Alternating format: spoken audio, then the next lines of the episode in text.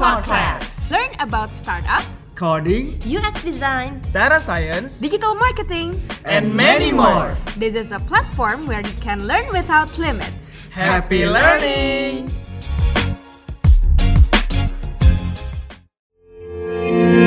Indonesia sedang membutuhkan talenta di bidang digital seperti software developer, digital marketer, data scientist, serta UX designer dalam jumlah yang cukup besar. Asumsi berkolaborasi dengan Purwadika Startup and Coding School membuka kesempatan beasiswa 100% kepada 8 orang terpilih untuk dapat mengikuti program Job Connector, di mana para lulusan dari program ini akan diberikan koneksi pekerjaan di lebih dari 500 perusahaan hiring partner Purwadika. Ini saatnya kamu untuk raih kesempatan mendapatkan beasiswa 100% persembahan dari Asumsi dan Purwadika. Cek selengkapnya di www.purwadika.com/asumsi.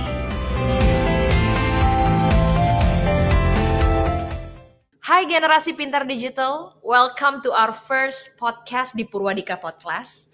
Eh, senang banget akhirnya Purwadika punya platform podcast karena sekarang dengan tren ya, Iya. eh, orang pengen belajar keahlian digital di mana pun, kapan pun, di jalan lagi macet. That's why ini adalah saat yang tepat untuk Purwadika punya podcast dan kita namanya Purwadika Podcast. Dan yang paling spesial adalah di first episode kali ini saya akan menginterview langsung uh, founder dari Purwadika Startup and Coding School dan yang kebetulan adalah ayah saya sendiri. Iya. Oke, Hai Pap. Hai, Mungkin Papa boleh kenalan. What's Iya. your name? nama saya Purwa Hartono. What's your title? My title is MSc NG BScs. nah, kalau di Purwadika nama Purwa Hartono tuh nggak boleh lepas tuh dari titlenya ya ya. right, because uh, it's quite difficult kan. Itu susah juga untuk dapat Oke. kan dua gelar itu kan. Nah, nanti kita cerita tuh di Iya, situ. oke, Oke? oke. Oke. Nah, sekarang nih yang aku pengen tanya, yang Mary pengen tanya. Kenapa sih Pap you start Purwadika? Iya, jadi semua itu bermula pada waktu saya masih di bangku SMP ya. Hmm. Jadi pada waktu zaman dulu uh, orang tua itu maunya anak itu jadi dokter. Hmm. Jadi saya juga sempat rencananya adalah mau jadi dokter. Oh, wow. Iya, begitu. Jadi tadinya saya mau jadi anak dokter. Benar. Tapi untunglah tidak ya. Oke. Oke. Terus? Ah, jadi akhirnya saya melihat ada sebuah mesin ya Hmm. yang namanya komputer. Wah, saya jadi jatuh cinta. Hmm. Karena saya lihat komputer ini mirip-mirip seperti kalau zaman dulu dongeng itu ada lampu Aladin kita gosok keluar jin gitu ya. Hmm. Lalu dia bilang, "Oke, Tuhan mau apa? Tinggal eh, dia mengikuti maunya Hmm. kita." Jadi kelihatannya komputernya seperti sebuah mesin juga yang saya bisa atur apa maunya saya. Hmm. Cuma bedanya adalah kita perlu menguasai gitu ya triknya bagaimana menyusun perintah-perintah itu supaya si komputer ini melakukan yang kita mau. Jadi Hmm. saya jatuh hati dengan komputer di bangku SMP. di bangku SMP. Sedangkan pada waktu itu tahu sendiri di Jakarta mana ada ya namanya komputer itu sangat langka. Jadi saya itu eh, selalu menunggu menanti-nantikan kalau adanya pameran Oke. pameran komputer. Nah, jadi biasanya kalau dulu di pameran komputer ya, orang-orang keliling-keliling saya enggak. Saya pasti akan menyudut di satu tempat, ada satu komputer, saya mainin itu, saya kutak-kutik, saya kesempatan untuk belajar, Hmm. ya kan? Itu di SMP tuh, Pak. Itu di SMP. Oke. Nah, akhirnya saya cari-cari lagi, ah, rupanya ada satu pusat ah, pelatihan di Tamrin ya, di Wisma Hmm. Kusgoro dulu. Hmm. Ah, jadi di situ ada belajar ah, enam bulan menggunakan mini komputer. Hmm. Honeywell mereknya ya. Hmm. Jadi yang belajar itu sebetulnya juga nggak boleh anak-anak SMP, SMA gitu nggak boleh itu orang-orang profesional. Jadi saya somehow bisa ikut masuk aja Hmm. eh, berpura-pura jadi orang udah besar, dewasa gitu kan ya. Jadi somehow tapi saya lah the smartest, saya paling pintar di kelas itu. Oh gitu. Betul. Itu training atau Itu training, atau- itu kursus Oke. lah ya, Oh, training. kursus. Eh, Tapi betul-betul jadi programmer. Hmm. Jadi dulu saya belajar pertama kali itu bahasanya bahasa COBOL. Kobol. COBOL itu adalah bahasa programming untuk eh, dunia bisnis. Oke. Ya. Jadi bahkan saya udah lulus, saya langsung ditawarkan kerja. Oh ya. Iya, dulu tuh di Sumarekon tuh. Hmm. Sumarekon menawarkan saya kerja dengan gaji per bulan 500 ribu. Saat Dulu itu? 500 ribu itu luar biasa karena mobil aja, mobil carry cuma 2 juta. Oke. Ya kan? Jadi besar banget. Jadi saya tergiur juga untuk apa bekerja tadinya. Saat SMP. Saat SMP kelas 3, ya. Wow. Tapi terus orang tua bilang, wah nggak boleh, nggak boleh kerja. Kenapa? Karena nanti kalau sudah kenal duit, sudah lupa mau sekolah. Hmm. Ya, takutnya cita-cita saya ya kan. Nah, pada waktu saya sudah jatuh cinta sama komputer, mulai saya cari tahu. Kira-kira kalau mau belajar komputer ke mana? Kalau belajar silat kan ke Shaolin pasti ke China, betul ya? Hmm. Nah, kalau belajar komputer ke mana? Wah, ternyata ke Amerika. Hmm. Jadi saya sudah bikin rencana bahwa saya mau sekolah SMP, lulus SMA, saya mau langsung ke Amerika. Oke. Iya, dan So- itulah ceritanya. Jatuh cinta dulu sama komputer, Betul, baru jatuh cinta sama mama, betul. baru ke itu satu paket itu, itu satu paket luar biasa ya. Nah dulu yang menariknya nih ya, maksudnya ini story yang aku sendiri juga baru tahu sih. Maksudnya komputer tuh saat itu segede apa tuh? Pak? Wah, komputer tuh gede sekali seperti lemari-lemari pakaian gitu ya. Segede Besar-besar. lemari pakaian. Benar, besar-besar seperti rak-rak lemari Oke. banyak. Terus waktu you jenis. spend time main komputer, itu apa yang papa lakuin? Main game atau programming? Oh, saya programming. Programming. Dulu mana ada game ya, Oh, semua iya. itu eh, komputer masih eh, sangat serius aplikasinya untuk dunia Hmm, bisnis. oke. Belum masuk ke dunia retail, ke Hmm. personal, enggak, belum ke personal life. Oke. Jadi hanya perusahaan-perusahaan yang menggunakan eh, mesin komputer. Oke. Nah sekarang fast forward, jadi papa udah yakin banget cinta dengan komputer. Ya. That's why akhirnya you study computer science ya. Ya. Ke Jadi Amerika ya? ya, jadi somehow lagi sejak di Indonesia aja di SMA, saya memang apa ya, mungkin darahnya dari orang tua yang juga waktu muda dari sejak 17 tahun sudah jadi guru ya. Hmm. Jadi kayaknya mungkin darah eh, jiwa guru itu mengalir di dalam saya sehingga saya juga eh, ber langsung berencana bahwa saya mau studi ke Amerika dan kalau sudah pulang saya mau bangun sebuah universitas. Itu dari bangku dan- SMA. Dari bangku SMP kelas 3 saya Wow. udah punya rencana seperti itu. Wow. Ya, Oke. dan mudah-mudahan tidak lama lagi terwujudlah mimpi Amin, itu ya. amin. Oke. So eh, waktu papa pergi ke Amerika eh, itu belajar kurang lebih berapa tahun di sana? Nah, jadi no, saya kan eh, dapat gelar S1 di bidang computer science. Oke. Jadi itu mempelajari tentang software terutama. Hmm. Lalu saya punya S2 computer engineering itu Hmm. tentang lebih ke arah hardware. Nah, secara normalnya kalau orang kuliah S1 itu empat tahun, Oke. saya selesai dua setengah tahun. S1 dua setengah Iya. tahun. Betul. Lalu kalau S2 itu kan dua tahun, Iya, saya iya. selesai satu tahun. Jadi saya agak cepat. Jadi Iya. memang eh, boleh kata ya kalau normalnya kuliah di Amerika itu ambil tiga subjek, Hmm. saya ambil enam subjek, double. Hmm. Ya, jadi boleh kata saya seperti kutu buku lah. Tapi untung tampangnya nggak seperti kutu tetap oke kan, tetap gaya. Itulah Tetap gaya, tetap oke, ya kan? Dan yang maksudnya kalau misalnya, I mean kan I'm just helping you ya as a marketer ya. Iya. Jadi uh, istilahnya promotor lah dari ini karena saya juga melihat passion papa tuh besar sekali di bidang pendidikan gitu kan. And dari dulu udah tahu banget ceritanya selalu kalau ditanya kayaknya pengennya education education senangnya di edukasi gitu Iya. kan. Yang pertama tadi udah dijelasin sama papa karena mungkin darahnya mengalir Iya. ya dari opa kita ya Iya. dari Akung gitu kan aku ngomongnya itu juga guru dan akhirnya you finally juga punya passion di bidang pendidikan. Iya. Nah sekarang yang menarik adalah gimana sih ceritanya? Apakah kan tadi kuliah cepet banget tuh? Iya.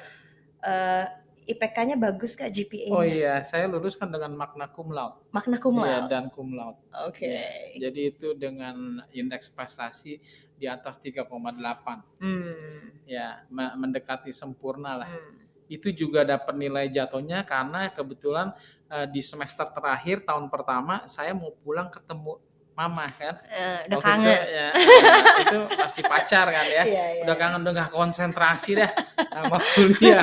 Kalau nggak tuh nilai semua A. Iya. Ya, itu biasalah kita A students kan ya selalu Yes, yes, mau yes. hunting for the best. Oke. So you graduate tahun berapa tuh pak? Jadi saya graduate lulus itu tahun 85 untuk yang S1, lalu 87 untuk yang S2. Oke. Ya. Nah setelah lulus S2 akhirnya langsung balik ke Indonesia. Ya itulah saya juga sudah nggak sabar. Nah selama kuliah di sana saya juga eh, apa ya rangkap ya selain bekerja sebagai asisten profesor, eh, saya juga buka ngajar private bagi terutama murid-murid Asia terutama yang dari daerah Arab lah ya. Belajar IT ya. Iya. Belajar macam-macam, fisika lah, eh, kimia, matematika, eh, komputer juga. Oke. Nah, saya juga udah buka usaha Hmm, di situ, buka training center dan consulting dan software development di Amerika. di Amerika Hmm. ya. Nah, cuma akhirnya lah begitu pulang tahun 87 saya mendirikan Purwadika ini Hmm. school, tapi eh, vocational bukan eh, degree ya, Hmm. jadi non degree. Eh, karena ya tetap ujung-ujungnya passionnya di education kan, kalau nggak bisa bikin universitas ya udahlah bikin kursus. Gitu. Oke. Dan saat itu eh, ketika 87 Purwadika kan berdiri ya langsung. Iya. Waktu itu kan eh, namanya Purwadika, logika, logika komputer. komputer designer design school. ya designer school. Dan at that time Papa juga turun tangan langsung dari Iya. desain kurikulum sama ngajar Betul. ya Papa ya. Jadi bayangkan gini, kalau terus terang kalau kita mau membuka sebuah pusat pendidikan yang berkualitas itu ada empat komponen kan yang kita Hmm. harus perhatikan. Nomor satu guru, kedua kurikulum, ketiga murid, keempat fasilitas. Jadi bayangkan aja ini ilmu yang baru komputer. Hmm. Gimana saya bisa cari guru waktu itu ya di Indonesia bahkan di Jakarta kan? Jadi saya turun tangan sendiri. Mengajar. Jadi eh, guru tunggal. Oke, guru tunggal. Jadi saya guru tunggal. Jadi saya- mengajar every day. Betul, every day, every night. Jadi Oke. saya buka program yang namanya Setara S2, khusus belajarnya hardware dan software design. Oke. Dan para pesertanya itu insinyur, seperti dari ITB, dari UI, dari Satya Wacana, ya kan? Eh, bahkan juga ada mahasiswa, gitu. Jadi saya ngajar tunggal dari depan sampai akhir selama 10 bulan.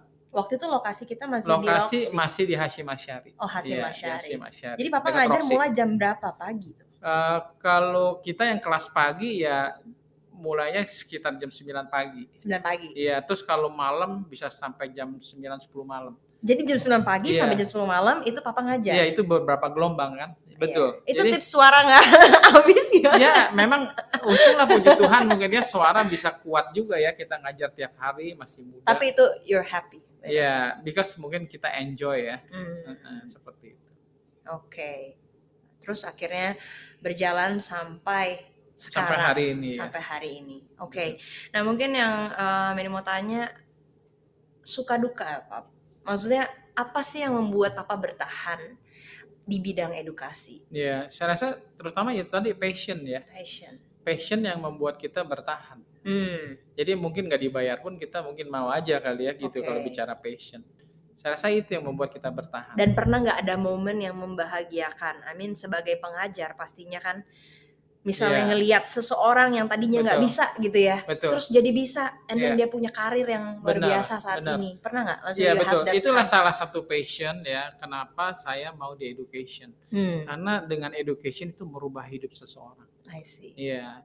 Saya rasa the the main key ya in life adalah education to change everything. Hmm. Kamu mau rubah satu negara yang tadinya terbelakang menjadi maju adalah harus give education Hmm. kepada anak-anak mudanya semua. Hmm. Bahkan kalau mau meniadakan terorisme juga itu adalah education. Kalau kita Hmm. didik mereka anak-anak benar dari awal mereka nggak bakalan jadi teroris. Jadi seperti saya jelaskan tadi, edukasi adalah kunci utama ya eh, di dalam menciptakan kualitas hidup seseorang, Merubah hidup juga. ya, merubah hidup ya.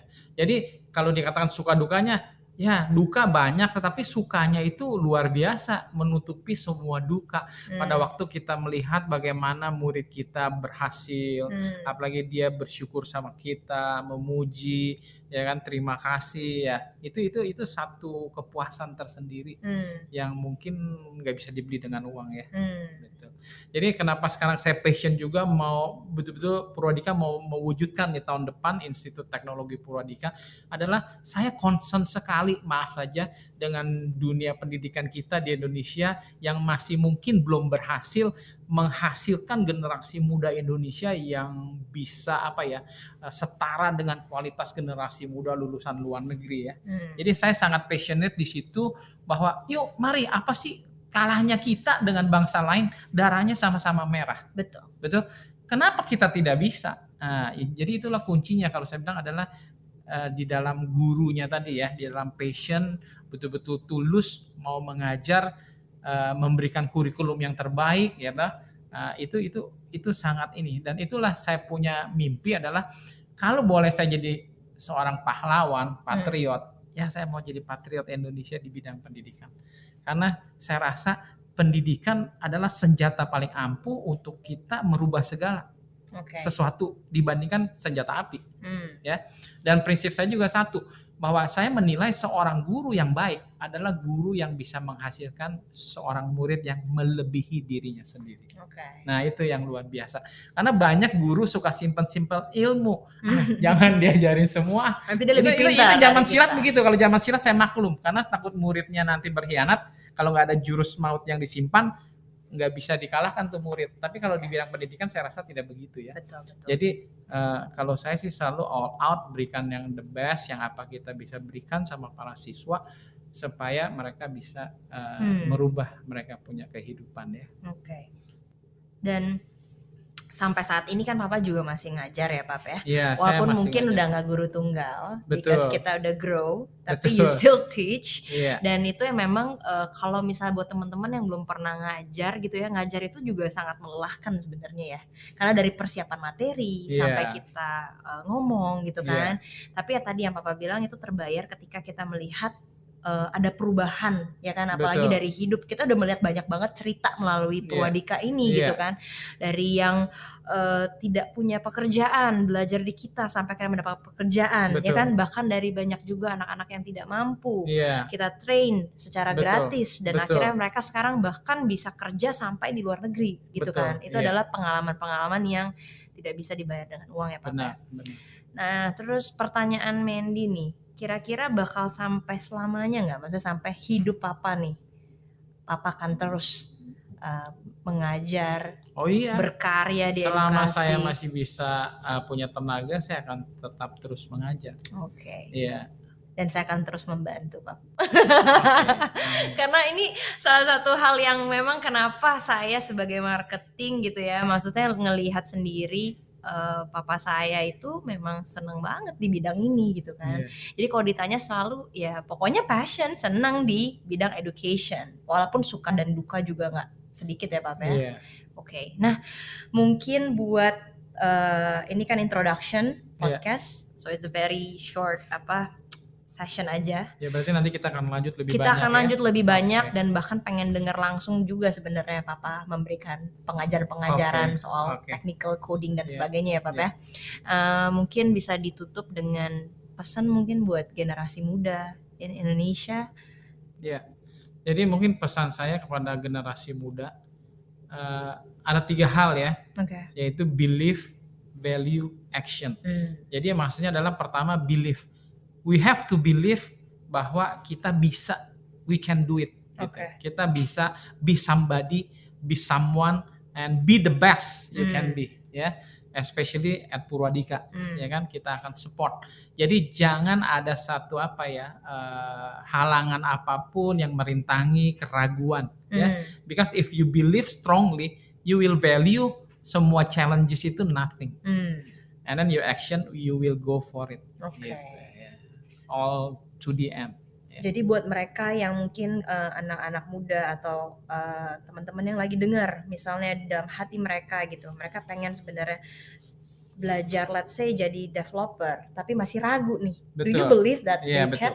Nah ini saya sedikit uh, support aja kasih tahu ini berdasarkan ilmu pengetahuan. Hmm. Kalau nanti uh, di di research di Google itu ada istilah yang namanya neuroplasticity. Oke. Jadi itu adalah hasil penemuan dari para ahli uh, ini ya yang mempelajari tentang otak manusia Oke. ya kan bahwa otak manusia itu Tuhan ciptakan begitu elastis dia bisa beradaptasi eh, bisa berubah sesuai dengan eh, apa yang seseorang pelajari. Oke. Jadi maksudnya kesimpulannya jika Anda sekarang sebagai akuntan memang mungkin Anda sekarang cara berpikirnya adalah sudah terlatih bagaimana seorang akuntan berpikir. Hmm. Tapi bukan tidak bisa beralih menjadi seorang coder Hmm. cuma perlu satu perjuangan dan keinginan keras sehingga otak itu bisa beradaptasi berubah Yes. Em, kita nggak tahu bagaimana sel neuron di dalam ini kan Ah, sehingga akhirnya dia bisa Iya. jadi banyak sekali success story Betul. orang yang yang tadinya bukan orang IT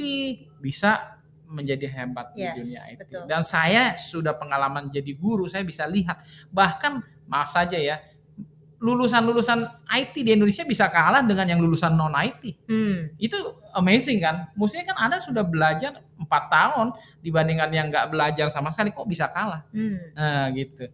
Jadi eh, jangan ada yang menghalangi, yakin saja. Yang penting betul-betul punya keinginan yang kuat. Dan pesan saya memang kita harus sekarang ini aware ya Hmm. uh, perubahan pergeseran kehidupan yang sedang terjadi Hmm. dengan uh, hadirnya dunia digital ya. Hmm. Nah, semua generasi muda harus hati-hati. Jangan sampai menyesal kemudian pada waktu nanti mau cari kerja, wah kerja ini kok udah nggak ada lagi ya pekerjaannya ya. Kok sekarang yang ada pekerjaan yang ini. Nah, kita harus beradaptasi. Itu pesan saya terakhir adalah we have to be adaptable.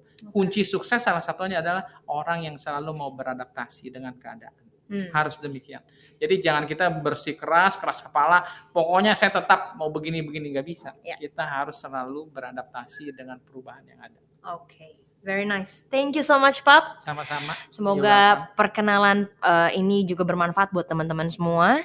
Jangan lupa untuk terus ikutin podcastnya Purwadika karena kamu bisa belajar banyak hal tentang skill digital secara online ya. Kamu bisa dengar di mana pun, kapan pun, dan hopefully ini bisa bermanfaat buat teman-teman semua. Thank you. Bye. Bye. Good day.